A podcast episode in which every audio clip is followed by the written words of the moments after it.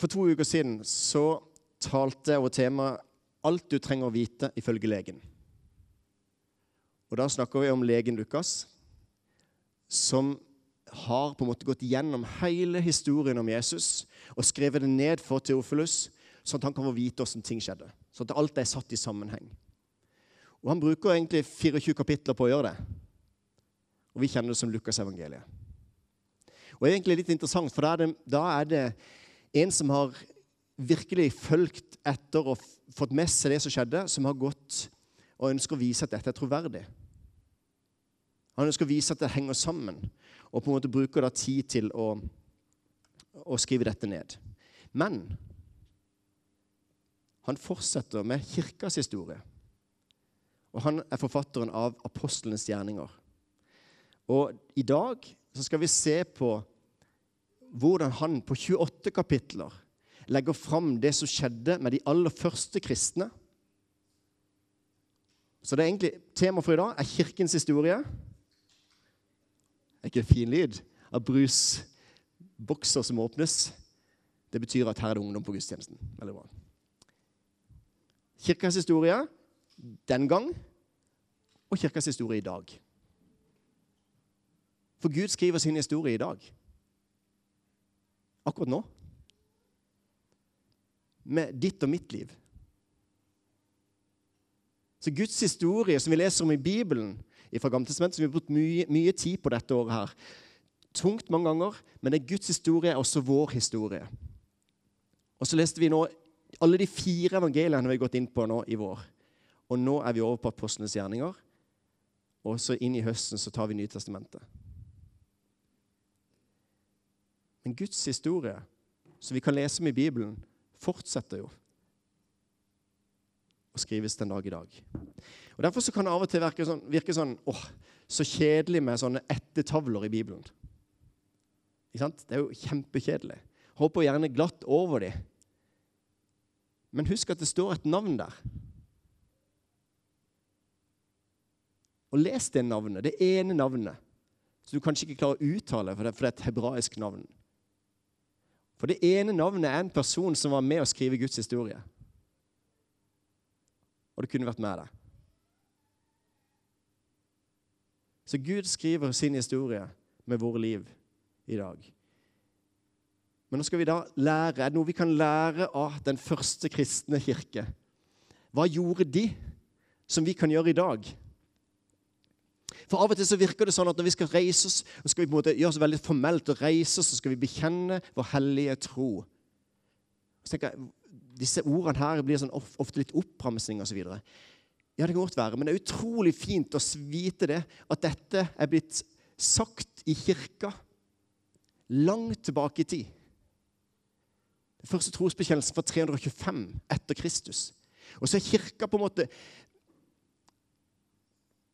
vært med og sagt det, og vi sier det mange steder i dag, den samme trosbekjennelsen. Vi hører til i en sammenheng, og derfor så ønsker vi også som menighet å ha denne litt formelle biten. Også med dåp. Det kan være formelt. Det er den gangen jeg kler meg i snippen. Fordi at eh, vi hører til en historie. Kirkens historie. Den verdensvide kirke. Og vi gjør bevisst noen av de tingene vi gjør i gudstjenesten. Fordi det er blitt gjort sånn til i lange tider. Vi står i en tradisjon, en overlevering. Tradere. Overleveringa som blir gitt. Renate underviste om tradisjonen tro på gudstjenesten forrige søndag. Så hør gjerne den på, på podkasten eller på Soundcloud. Tradisjonen tro. Det er at vi står i en sammenheng samtidig som at vi kan danne og lage en historie eller en tradisjon når det gjelder tro. Så nå kommer del to av Lukas sitt verk. Og egentlig så kan jeg liksom litt Jeg tenker egentlig at jeg skriver del tre akkurat nå. Det er ikke nødvendigvis han som forfatteren i himmelen, men Gud skriver sin historie akkurat nå. Um, og da er det litt interessant hvilken ettertavle som blir oppramsa, eller hvilken ettertavle som blir fremstilt nå. Spesielt da vi merket det når vi gikk inn i um, Når tempelet ble bygd, så sto det hvem som bygde på tempelet. Veldig praktisk oppgave til alle dere byggmestere. Der sto de nevnt med navn. Og så er det litt stilig, for det handler jo om at folk kjente dem.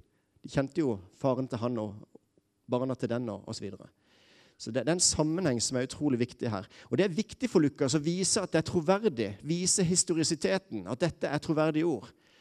Og det er jo, Jeg har sagt det noen ganger, men, men spesielt i 1. Korinterbrev 15, når Paulus forteller om oppstandelsen og har lyst til å vise at dette er troverdig, så sier han at mer enn 500 brødre så Jesus på en gang. Og så står det av dem lever mange av de enda. Underforstått du kan snakke og undersøke. Du kan snakke med dem. De så Jesus. For det er så kort tid etter det skjedde, at det er skrevet ned. Derfor er det Tenk deg neste gang dere leser ettertavler og sånne litt sånn kjedeligere ting. Tenk at ditt navn Er du med å skrive Guds historie i dag? Og Vær takknemlig for at de var disipler den gang og har gitt det videre til oss. Overlevert det. Gitt evangeliet videre, de gode nyhetene.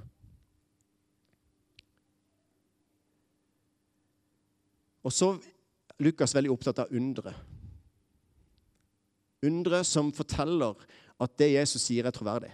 Så Noen av de undrene som skjedde, var kanskje på fire områder. som jeg nevnte sist. Det var i forhold til skaperverket. Stille storm, mette 5000. Mange undre som går på det. For å vise at Gud er herre over skaperverket. Altså Jesus er herre over skaperverket. Jesus er Gud. For det andre, onde ånder adlyder ham. Viser at han er herre over åndsmakter. For det tredje sykdom må vike i Jesu navn. Og det siste døden er død. Der viser Gud gjennom Jesus at han er herre over dødens makt. Det betyr ikke at alle blir reist opp fra de døde, fordi det handler ikke om det. Det handler ikke om fredsriket her på jorda. Det handler om at en dag så skal det bli sånn som Gud opprinnelig hadde tenkt det. Men vi trenger å se at han er herre. sånn Når han sier 'dine syndere er deg tilgitt', så er det ikke bare ord. Det er Gud som sier det. Og det må da vises med undre. Så at det undre vil følge. Der hvor disiplene taler i Jesu navn, så vil underet skje. Og kanskje ber vi for lite om at underet skal skje. For vi er redd for at hva hvis ikke det skjer? Men spesielt der hvor kanskje ikke mennesker har hørt før om Jesus, så trengs det undre som viser at det er troverdige ord.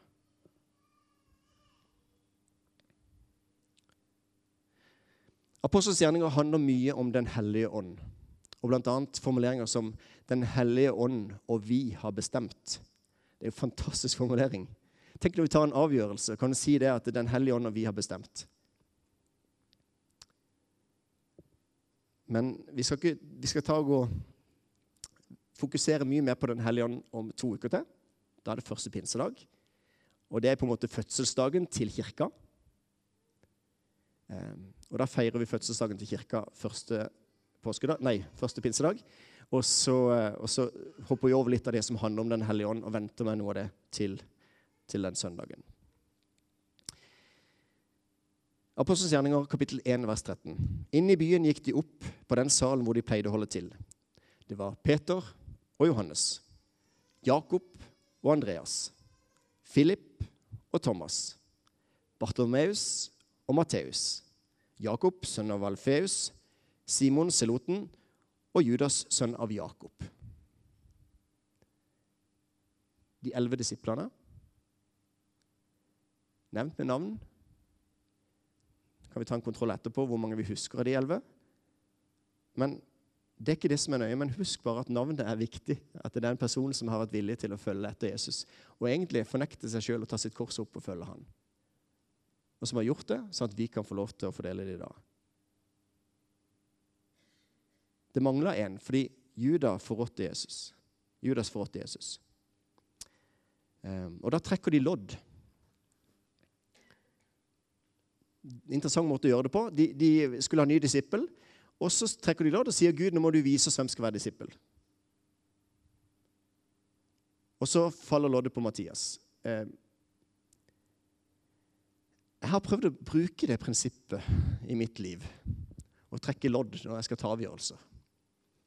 Så må dere vurdere om det er riktig for deres del. Men eh, jeg hadde f.eks. når jeg skulle velge studie, Handelshøyskolen i Bergen, eller kristendom.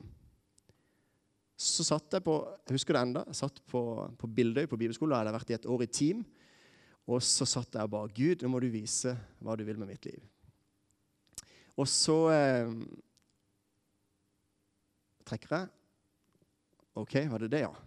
Var det det du ville, Gud? Ok, Nå må du bare bekrefte det, Gud.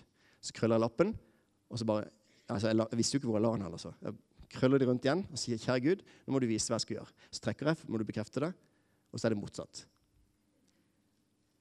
Så tenker jeg jeg ville godt for det du sa, for jeg var virkelig oppriktig interessert i å gå der du vil. at Jeg vil gi hele livet mitt til deg, Gud, og tjene deg der som jeg kan tjene deg best. Og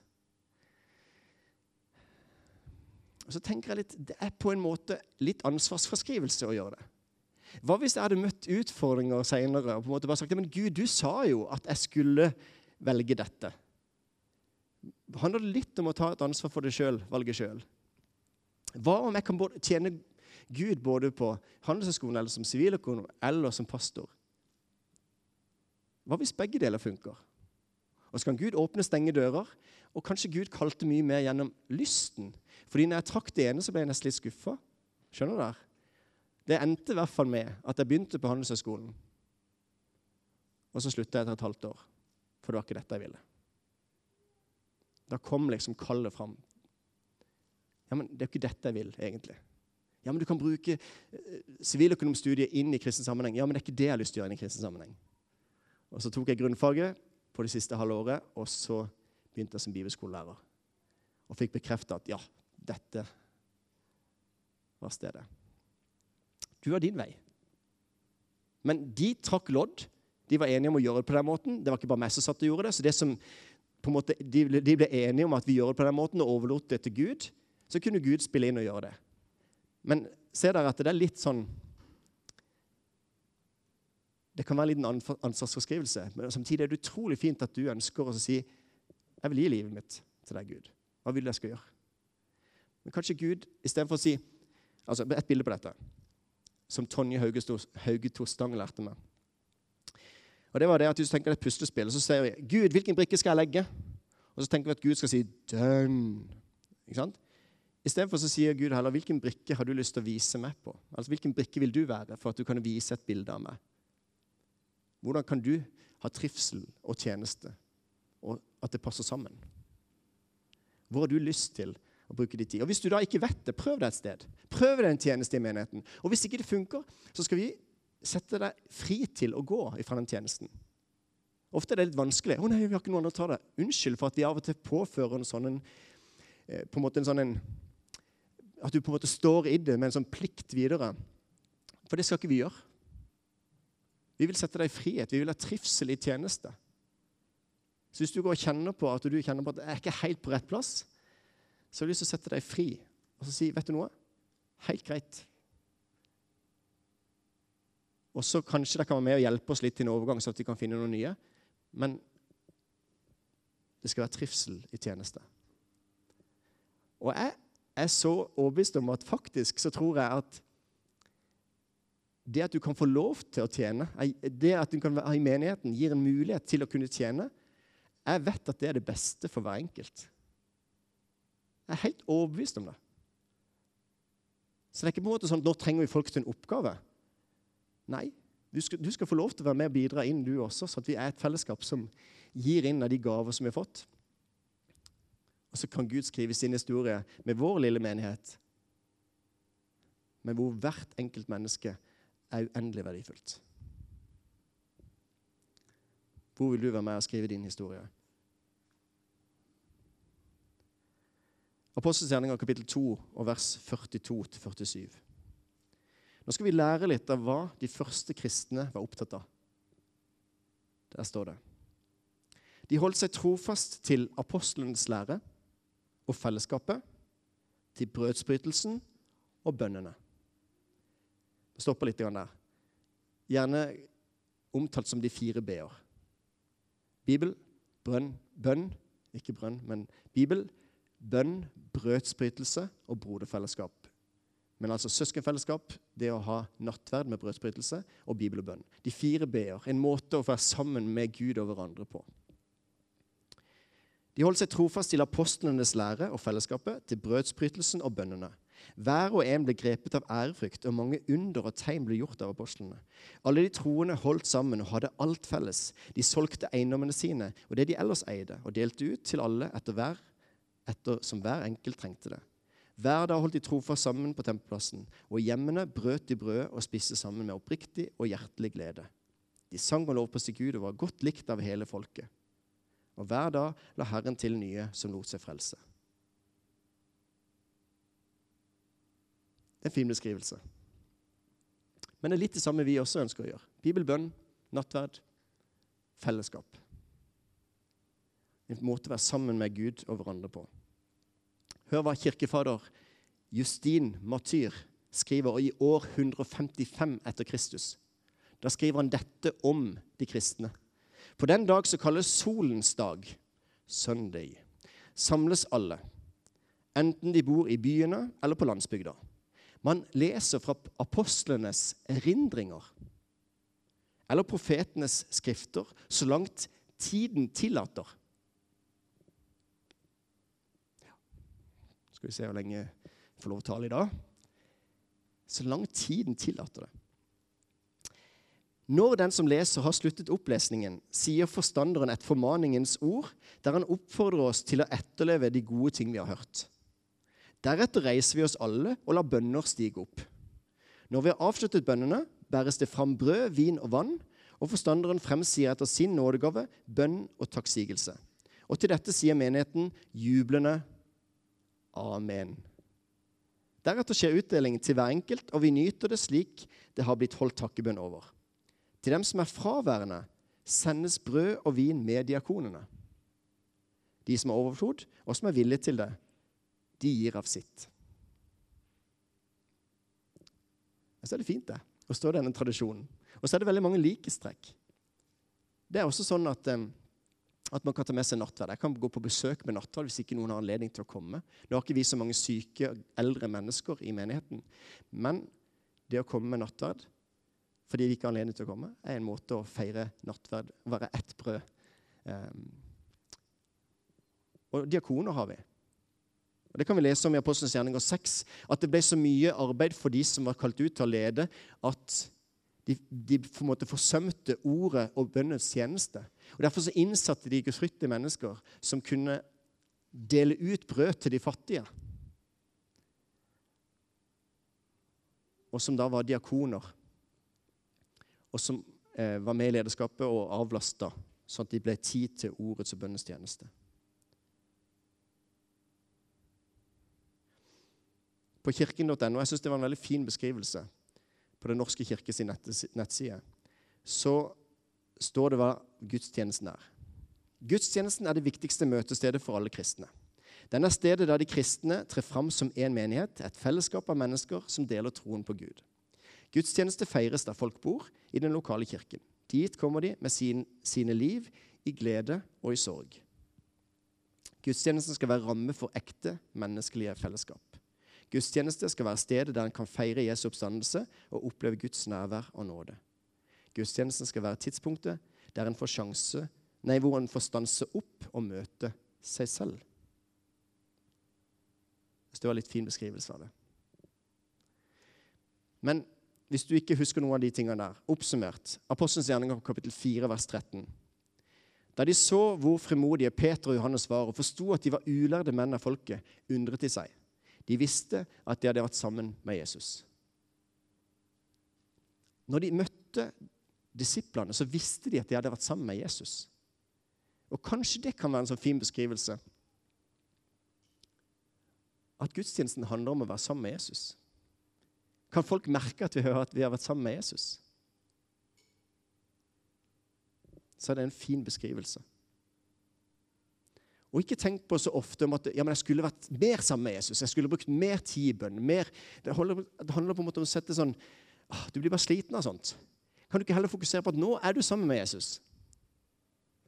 Og så er det noen som begynner sånn Ja, hva var det egentlig Rune talte om? Jeg vet ikke, jeg husker ikke. Nei, men Da fokuserer du på kunnskap. Fokuser heller på at nå er du sammen med Jesus. Og så former det deg til hvem du er om fem år til. Selv om du ikke husker noen ting av denne talen i dag.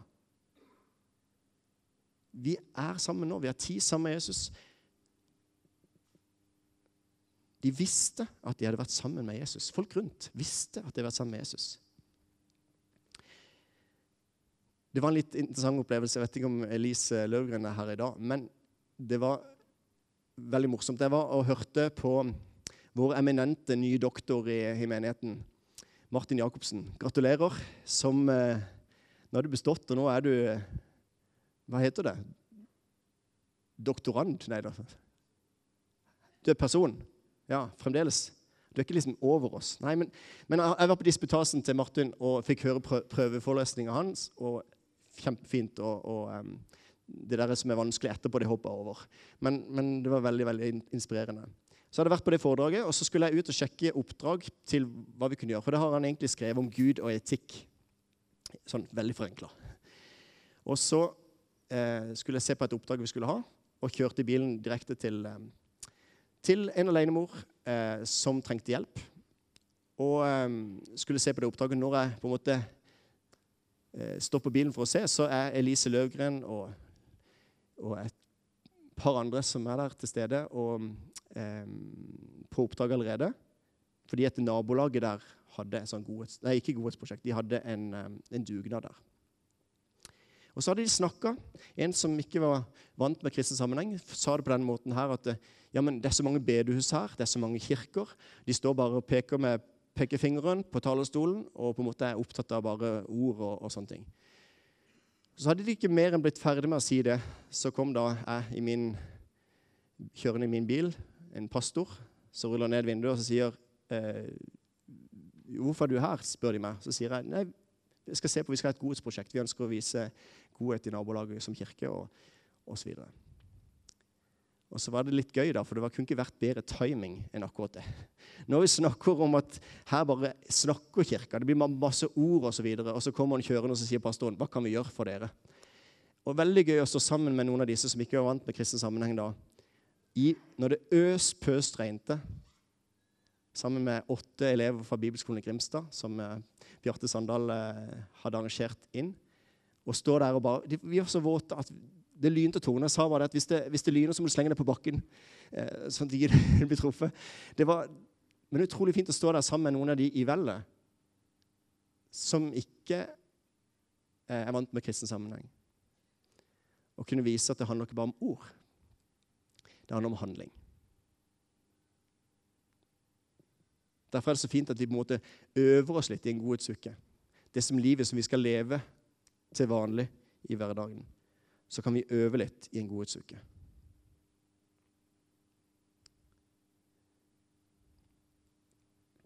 De merker at de har vært sammen med Jesus.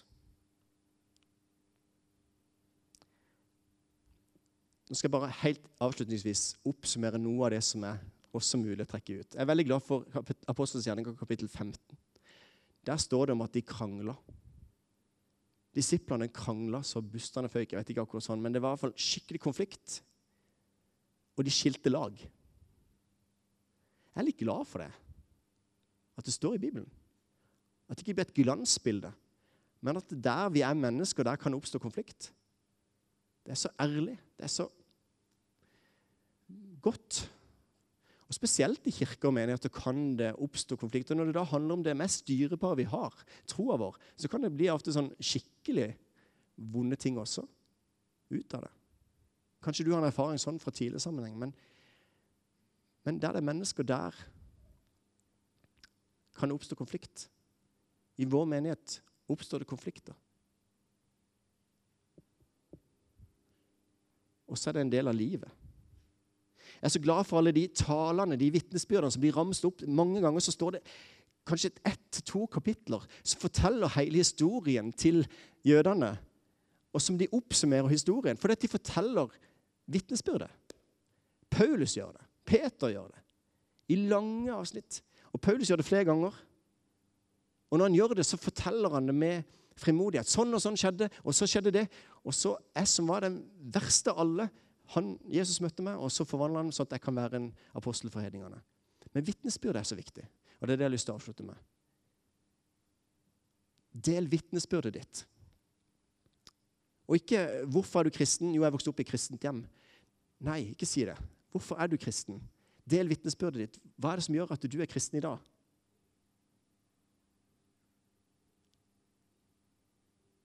Og når du forteller det, så er det ingen som kan ta det fra deg. Og så er det det som forandrer mennesker. Kjærlighet og ditt vitnesbyrd. Kjærligheten på den måten at vi overøser mennesker med en ufortjent godhet. Kjærlighet og vitnesbyrd for andre mennesker.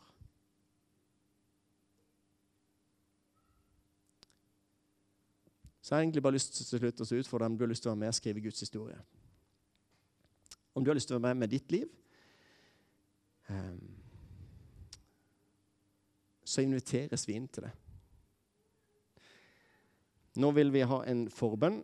Helt på august så, så vil Tor Øystein og meg sette oss, og så har vi lyst til å bare legge hendene på deg og velsigne deg. Og Hvis det er noe spesielt du ønsker at vi skal be for, så kan du nevne det før vi ber for deg. Men vi har lyst til å velsigne og be for deg um, og gi en anledning til det. Så da kan dere bare, i løpet av de to neste sangene så kan dere benytte dere av den muligheten. Så skal vi be sammen til slutt, og så skal vi synge sammen 'Skriv din historie'.